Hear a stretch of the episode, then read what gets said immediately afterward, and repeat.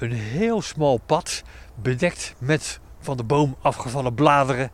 En om me heen, ja, het is een soort eh, natuurgebiedje. Arjan de Vries, dit is jouw natuurgebied, hè?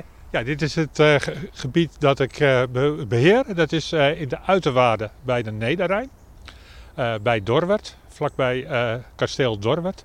En dat noemen ze een ooibos. Je ziet heel veel moeras, riet en eh, vooral wilgen. Die voelen zich erg thuis hier. Je ziet overal plassen en drassige gedeeltes. Ja, echt een beetje moerasachtig, hè? Klopt, klopt, ja. En eh, eh, op zich is dat hartstikke leuk. want heel veel insecten voelen zich hier, hier thuis. En jij voelt je ook hier thuis. Want jij hebt dit gebied eens een keer gekocht. Hoe is dat gegaan?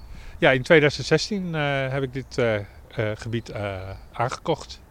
Je dacht van kom, ik ga eens een stukje natuurgebied kopen. Eh, ik wilde graag iets aan eh, natuurbescherming doen.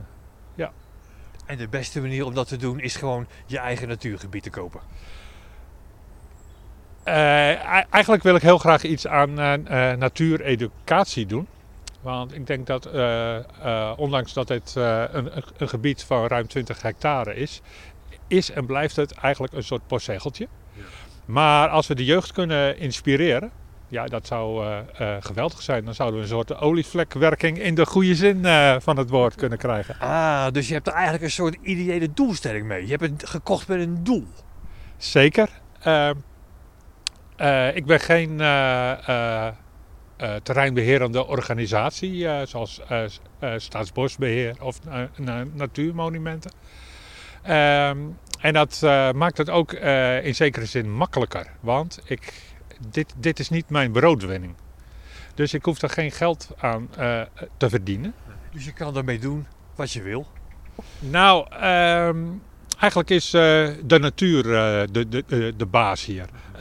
Mensen vragen ook altijd, ja, ben je eigenaar? Ik zeg eigenlijk altijd dat ik eh, beheerder ben van dit ge- ge- gebied. Want de natuur is de, de baas hier. En ik vind dat wij als mensen ons al veel te veel toegeëigend hebben, bezit genomen hebben van.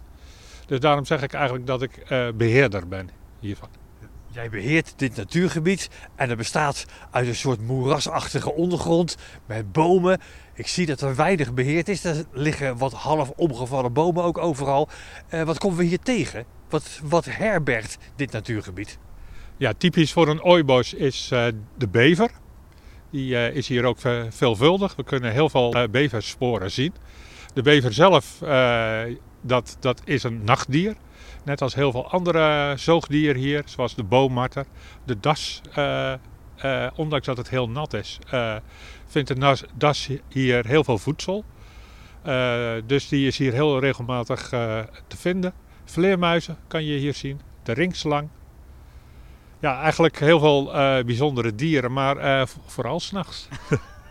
Die gaan we in deze vroege ochtend niet echt tegenkomen. Hè?